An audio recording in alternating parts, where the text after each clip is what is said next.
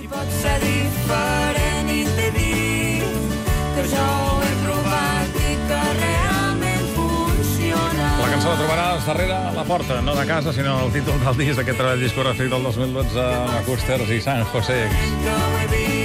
Punts de vista diferents, punts de vista que ens agrada i molt els que ens recomana i ens porta cada dia a aquesta hora. Ara ja va mirant com volem dir, ara has parlat de mi. Doncs sí, avui sí. És que he de reconèixer que estic enganxat a una cosa d'això dels mòbils aquests nous. Dels smartphones. Sí.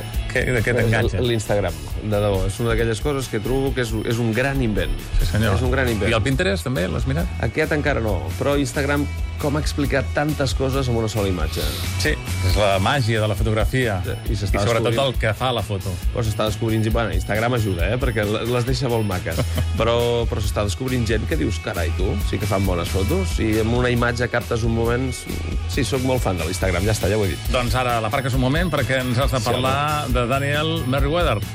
Uh, us he de parlar de, De Dan May. De Dan May. Sí, sí, Ara sí, sí, sí, ara no, per, m'he equivocat jo. Per un moment tornava a l'Instagram, eh? No, tornava no, no, a refugiar no, no, a l'Instagram. Hem de parlar de Dan May, exacte. És un, és un personatge d'Oxford, a Mississippi. D'Oxford ja sabeu que no només ja està a Anglaterra, sinó que als Estats Units també tenen... Crec que n'hi ha diverses de ciutats anomenades Oxford.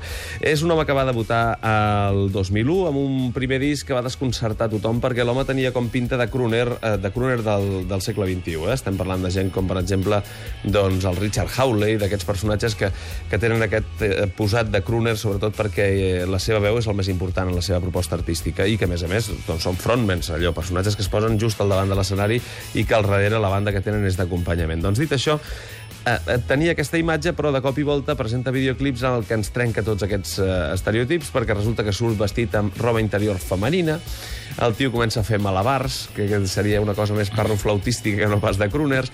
En definitiva, un, un contrapunt, una mena de yin i yang en aquest personatge que va desconcertar tothom. Això sí, les cançons ens van agradar i força d'aquell primer disc del 2001. I ara acaba de publicar-ne un altre, un disc que es diu Do Thing, Eh, potser de moment es presenta més seriós. A saber, potser aquí deus dir surt despullat per la vida, però de moment se'ns presenta una mica més seriós, musicalment també, i la veritat és que és un disc força recomanable, d'un home doncs, que té molt a explicar, que és jove, i que doncs, a partir d'aquí encara esteu a temps per descobrir-lo, perquè només porta dos discos. Abans d'aquests dos discos estava un grup de power pop que es deia alguna així com Rockwells, però això ja és història.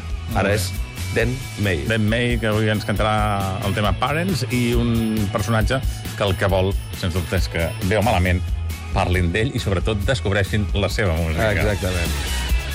Albert, fins demà. Apa, fins demà. Que vagi bé.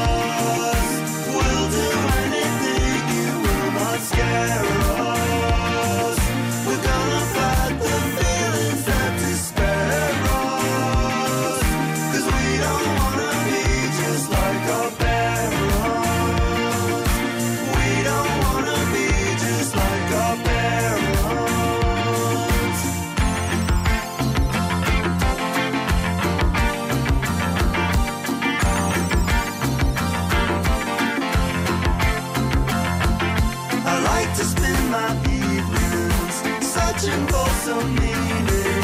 I'd like to spend some time searching with you.